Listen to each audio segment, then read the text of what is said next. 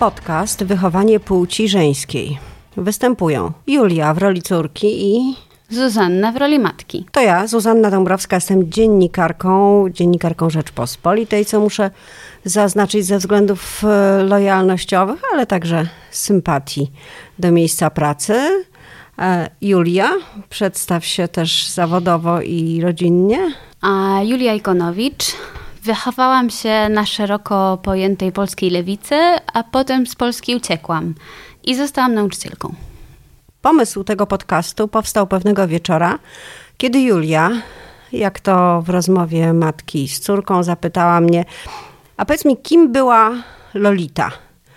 Ja odpowiedziałam zgodnie ze stereotypem, który panuje w kulturze masowej, że była to nadmiernie rozbudzona seksualnie nastolatka, która uwodziła mężczyzn, mniej więcej tak, chociaż e, dla swojego usprawiedliwienia e, mogę dodać, że e, potem troszkę to zrelatywizowałam, mówiąc o tym, że być może wina e, Lolity nie jest taka oczywista.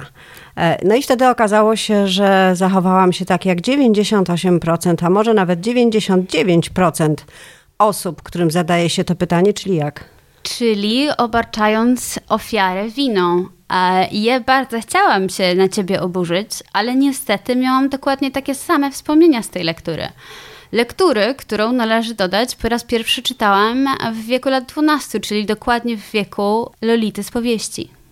Oczywiście mówimy o książce Nabokowa, Lolita i o ekranizacjach także powiemy, które były bardzo poruszające. Zre- Zresztą sama książka też y, wywołała skandal, jak tylko Nabokow ją y, napisał, ale coś poszło nie tak, coś poszło źle. Co?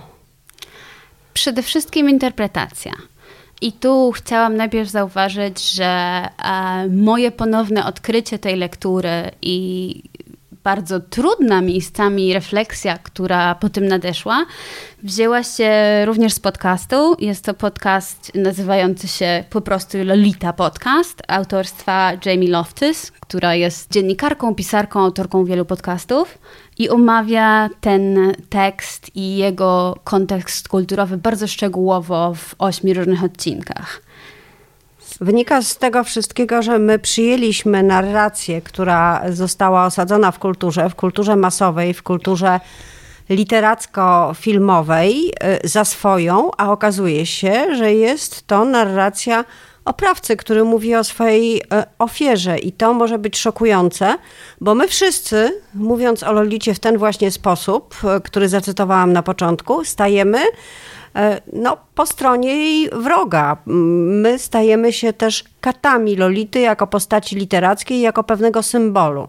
Przede wszystkim e, należy zacząć od tego, żeby wrócić e, do samego Nabokowa i do tego, o co mu chodziło. Bo skąd wiemy, że ta narracja jest fałszywa?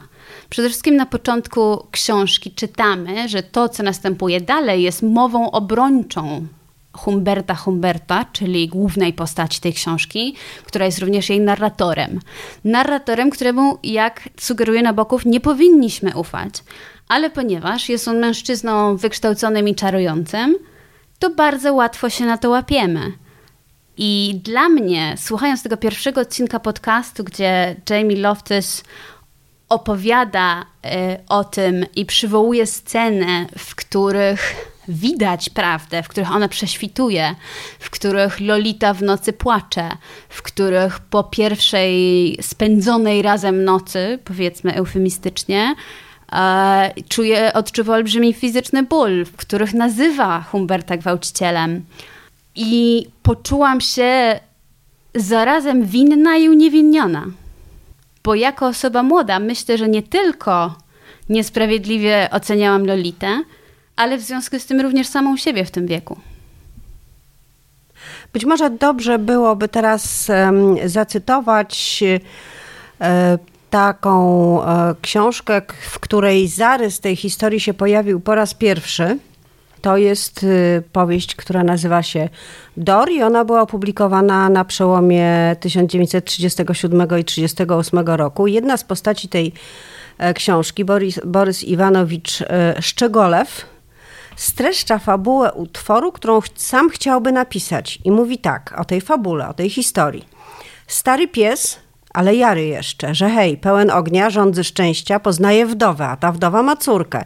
Małą jeszcze dziewuszkę, wie pan taką, co to nic, co to jeszcze nie jest ukształtowane, ale chodzi tak, że zwariować można. Bledziutka, chudziutka, podkówki pod oczami i na starego dziada, rozumie się, nawet nie spojrzy, co robić. Ha, niewiele myśląc, żeni się moi państwo z wdową.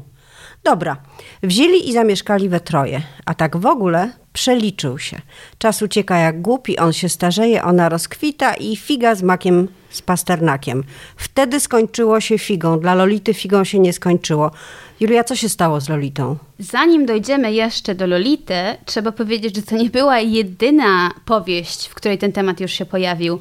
E, w 1939 Nabokow napisał Czarodzieja, w którym, e, e, w którym to czarodzieju historia była podobna. Istnieje wiele sugestii, włącznie z autobiografią samego Nabokowa, sugerujących, że on sam był ofiarą molestowania jako dziecko. Z jego autobiografii wynika, że najprawdopodobniej ze strony wujka.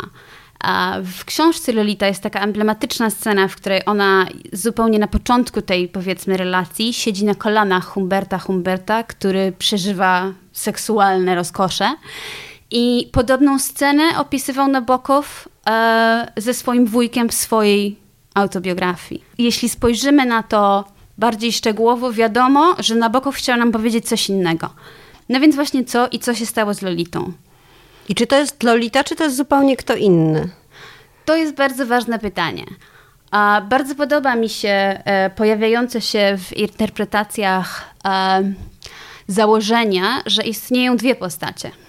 Jedną jest Dolores, czyli prawdziwa dziewczynka, dwunastoletnia, która przeżywa olbrzymią tragedię, traci matkę i zostaje porwana przez dużo starszego mężczyznę, który następnie gwałci ją i molestuje przez prawie dwa lata. Ale ona w tej książce prawie nie istnieje. Dlaczego? Dlatego, że narratorem jest jej oprawca, więc ona nie może istnieć. I on nie widzi Dolores. On nie widzi Dolores. On widzi Lolitę, bo widzi swoją projekcję, widzi swoje usprawiedliwienie. Widzi kusicielkę, widzi manipulantkę, widzi niesforną dziewczynkę, która specjalnie bierze od niego pieniądze, która go oszukuje i która jakoś tam na te relacje się zgadza i która może nawet coś do niego czuje. No a gdzie jest prawda? Bo y, być może Lolita jest y, formą dorastania Dolores. Może ona taka się stała, może on ją tak sobie wychował.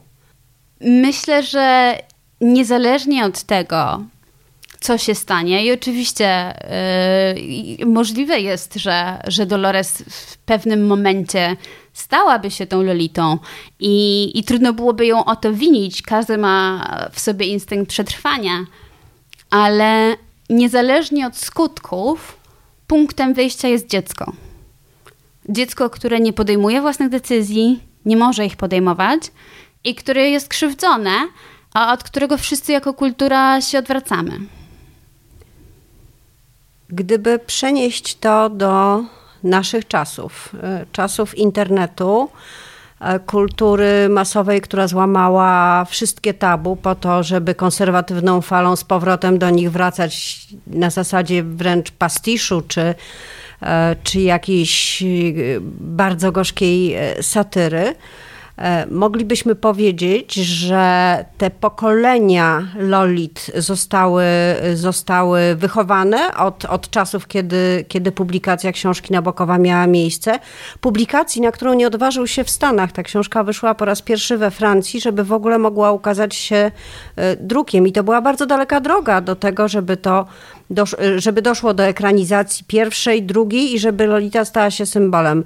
Więc czy to, co zrobił Nabokow, może trochę tak jak twórcy bomby atomowej, którzy nie spodziewali się, jaki będzie miała skutek. Chciał opisać historię molestowanego dziecka, a stworzył potwora. Tak, to jest bardzo interesujące spostrzeżenie, ponieważ w toku poszukiwania informacji na temat tego, jaką, w jaką relację wchodziły z tą książką osoby będące ofiarami molestowania, e, wspomniana przeze mnie Jamie Loftus e, przeprowadzała wywiady z ofiarami, które dostawały tę książkę w prezencie od swoich oprawców. Od nauczyciela w liceum, który potem je molestował, zachęcając do czytania wzbogacającej literatury. I tu właśnie zaczyna się dla mnie istota problemu z byciem dziewczynką i z byciem lolitą. Czyli e, seksualizujemy dziewczynki, pokazujemy im wzorce, pokazujemy im, że są pożądane i to jest ok, póki nie dzieje się naprawdę. Mogą występować jako modelki, mogą występować na billboardach, ale w momencie, kiedy one same tą seksualizację jakoś zaakceptują i zaczynają w niej czegoś poszukiwać, a stają się już dozwolonymi ofiarami, bo przestały być niewinne. I na przykład Humbert Humbert w tej historii mówi wyraźnie, że kiedy po raz pierwszy ją zgwałcił, to nie było takie, takie ważne, bo ona wcześniej już uprawiała seks. Nie była dziewicą. Czyli nie miało to znaczenia. Tak. Znowu, e, wróćmy do tego, co jest teraz na chwilę, bo ja natychmiast widzę e, e, młode dziewczynki, 12-13-letnie, w dobie TikToka i Instagrama, same kreujące swój wizerunek. I znowu mówię same, tak jakby to była jakby to był zarzut. One same kreują w ten sposób swój, swój wizerunek. No i mam takie pytanie, mm, trochę pełne niepokoju do ciebie. Czy ty też tak kreowałaś swój wizerunek? Czy ty się czułaś Lolitą? Tak.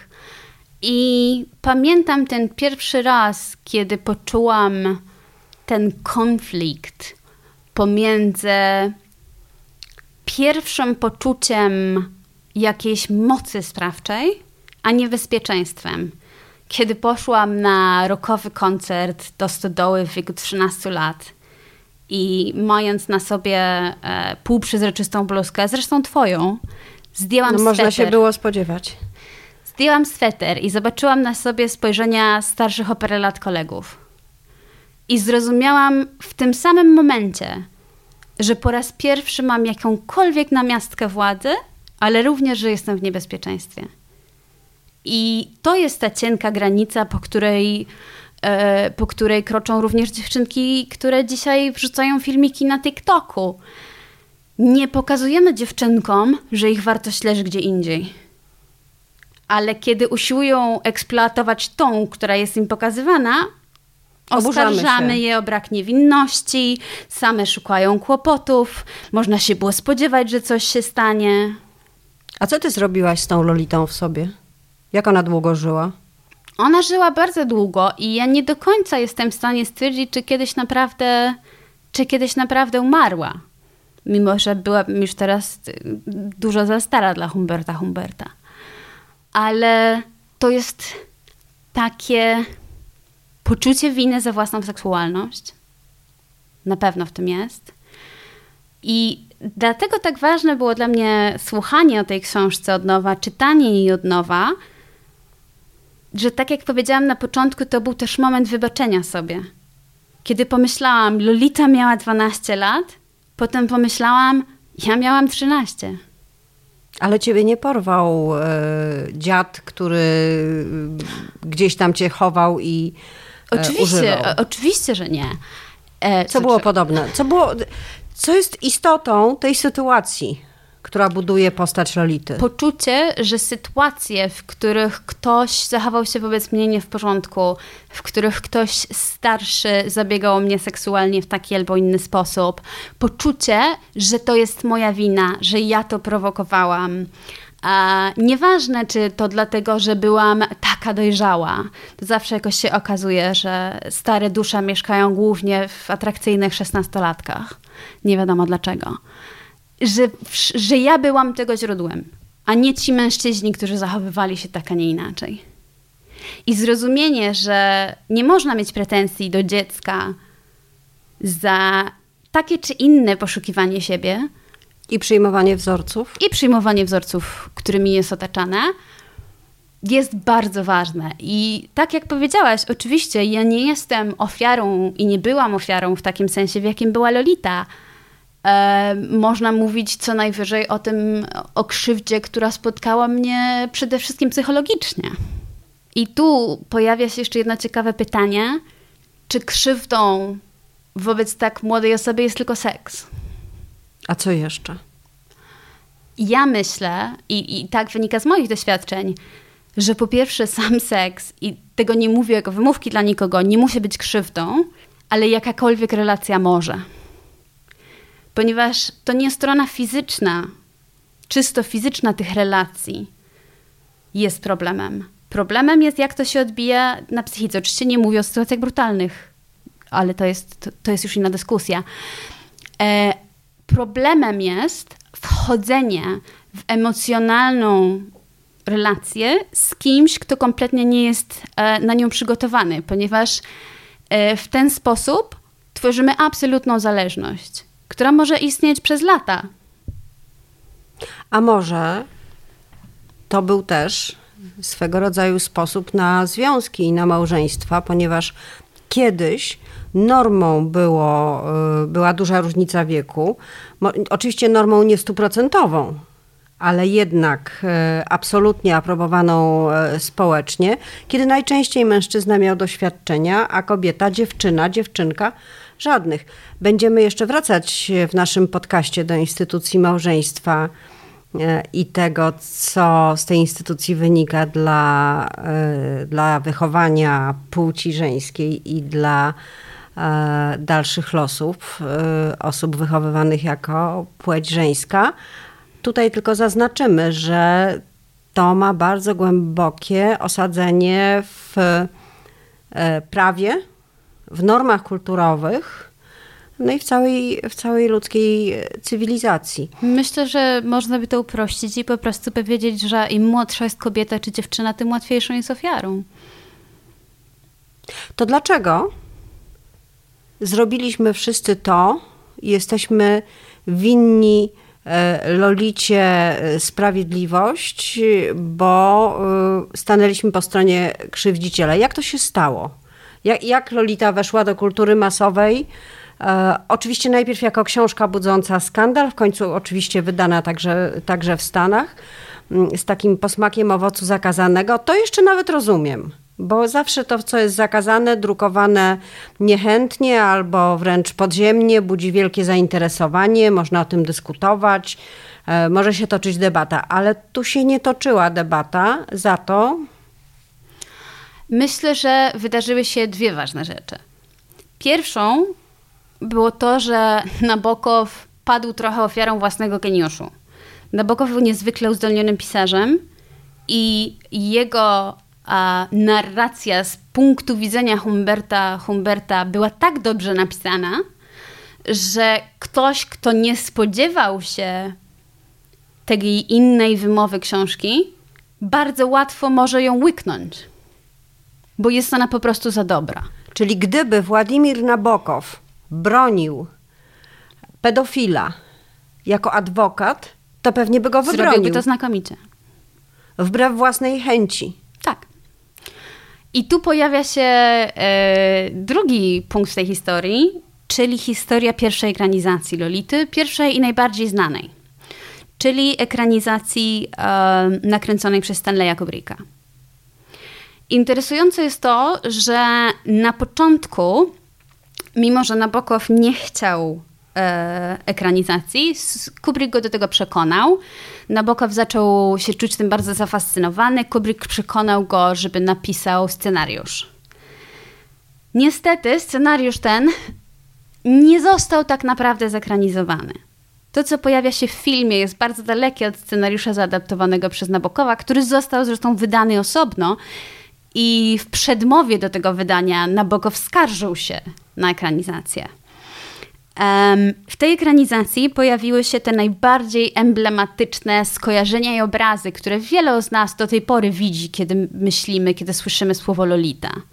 Czyli młoda dziewczyna, nie tak młoda jak w książce, w okularach w kształcie serc, z lizakiem w buzi, patrząca z nad okularów uwodzicielsko. Pierwszym zabiegiem, który miał miejsce, było zatrudnienie aktorki, która oczywiście była starsza niż książkowa Lolita. Po pierwsze, w filmie Lolita zamiast 12 miała 14, aktorka miała 16, a ucharakteryzowano ją na 17. Dlaczego? Dlatego, że nie oglądalibyśmy filmu o kompletnym zwyrodnialcu, bo nie ma w tym zabawy. No chyba, że byłby to jakiś thriller, ponury horror, e, bo jednak nasze normy e, te wizualne i kulturowe nie dopuszczają e, tak, do, no do, widzisz, do, pełni praw takiej gdyby sytuacji. Gdyby to był thriller, to on musiałby na nią wyskakiwać z krzaków. Wiadomo, że źli mężczyźni, którzy gwałcą, to nie są ludzie, których znamy, tylko jacyś zwyrodnialcy chowający się po lasach. I rzeczywiście odebrano tej, tej historii ten ciężar, który ona ze sobą niosła, częściowo ze względu na prawa panujące wtedy w Hollywood. Rzeczywiście części tych rzeczy nie dało się zrobić. E, I byłoby to bardzo trudne do oglądania. Gdybyśmy rzeczywiście oglądali na ekranie sceny nawet e, wyraźnie sugerujące gwałt na 12-letniej dziewczynce, nie byłoby to łatwe. A film miał być sukcesem kasowym. I był. I był. E, więc poszedł mocno w stronę komediową. E, I Lolita jest już tym kimś zupełnie innym. Żeby było, o, powiem śmieszniej, ale raczej straszniej niż śmieszniej, e, potwierdzone są informacje o tym, że Sue Lyons, e, która grała Lolitę w wieku lat 16, e, weszła w relację z e, producentem filmu. Czyli znaczy, historia. Nie wiem, czy to znaczy, że mieli romans. Jak 40-latek sypia z 16-latką, to mają romans? Trudne Legalnie pytanie. tak. W Polsce wiek zgody to 15. Jak sama dobrze wiem. Yy, Pominę to milczeniem. Po tej ekranizacji była oczywiście y, ekranizacja e, w 97. Mimo dobrej obsady ona nie, nie odniosła aż takiego sukcesu i, i była mniej interesująca. Natomiast to, co mnie bardzo zaskoczyło, to, że Lolita była dwa razy adaptowana na scenę. E, po raz pierwszy e, był to niefortunny musical który miał się znaleźć na Broadwayu, ale już podczas e, przedbroadwayowych występów poza e, Nowym Jorkiem został zamknięty. Jednak wesołe piosenki na ten temat to było za dużo nawet dla publiczności. Druga to była e, adaptacja sztuki e, zaadaptowana przez e, Edwarda Albiego znowu po 30 przedstawieniach została zamknięta. Trochę się cieszę, że one nie odniosły sukcesu, ale sam pomysł, że z tej historii można by zrobić komedię, jest przerażający. Chociaż równie przerażający jest Stanley Kubrick, który sam o, o, tym filmie i o tej książce wypowiadał się, mówiąc, że jest to jeden z największych romansów XX wieku. Historia dwóch lat gwałtu dla jednego z najważniejszych w naszej historii reżyserów jest historią miłosną. I to jest przerażające, że można w ten sposób widzieć miłość. Sam Nabokow po porażkach tych adaptacji i, i swoim niezadowoleniu z finansowo udanej adaptacji Kubricka powiedział, że tak naprawdę ta historia mogła się wydarzyć tylko w książce, tylko w głowie bo żeby oddać prawdę, musiałaby tam występować 12-letnia aktorka.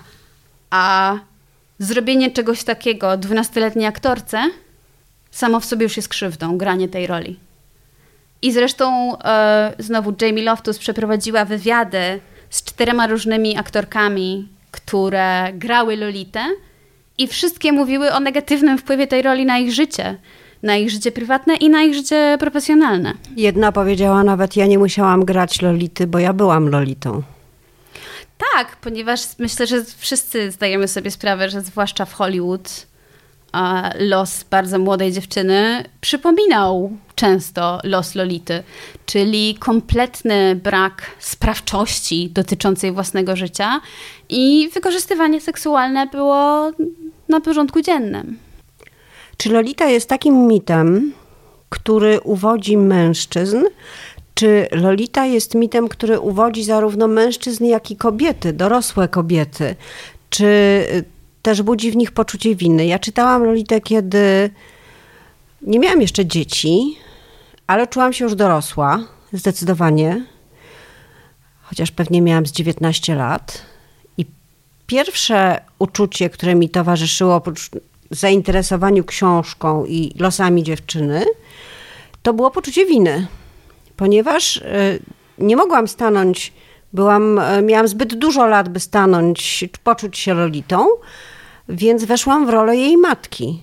I pierwsze, co y, do mnie dotarło, to jakieś niesamowite poczucie winy, poczucie złego wyboru, poczucie tego, że pozwoliłam na to wszystko w jakiś sposób. Więc jest to także znaczące z punktu widzenia kobiet, na pewno, ale to y, bardziej Zatrzymaj męski... się na chwilę, bo to Dobrze. bardzo dla mnie ciekawe. Czy widziałaś, czy bałaś się mojego bycia Lolitą? Uspokajały mnie glany. E, one mogły trochę pomóc być może przy bezpośredniej konfrontacji, ale nie broniły mojej psychy. To prawda, ale matki zawsze się oszukują. E, Jest... y, Tak jak oszukiwała się matka Lolity. Tak, dokładnie tak samo. E, I kiedy widziałam, że masz towarzystwo znajomych mniej więcej w swoim wieku, no 3-4 lata starsi, no cóż to A jest pamiętasz, jak to się skończyło? awanturą. Awanturą, stroną internetową i napisami na murach dookoła naszego bloku. No to widocznie byłaś fan fatal, a nie lolitą. Ewidentnie można być jednym i drugim w oczach mężczyzn. To na koniec pytanie. Dlaczego to jest tak atrakcyjny mit kulturowy? E, I czy y, mężczyźni marzą o tym, żeby mieć Lolitę, czy marzą o własnej porażce trochę? Bo przecież on w końcu przemawia na sali sądowej i jest sądzony za to, co zrobił. Jak sądzisz? Jest sądzony, ale nie jest postacią, nad którą pochylamy się z żalem. Jest na to zbyt inteligentny i czarujący. Myślę, że magia Lolity w dużej mierze wiąże się z tym, że pozwala nam mówić o czymś, o czym mówić nie potrafimy. Kiedy temat pedofilii pojawia się w innych kontekstach, reagujemy na to bardzo żywo i bardzo agresywnie. Mówimy o kastracji chemicznej.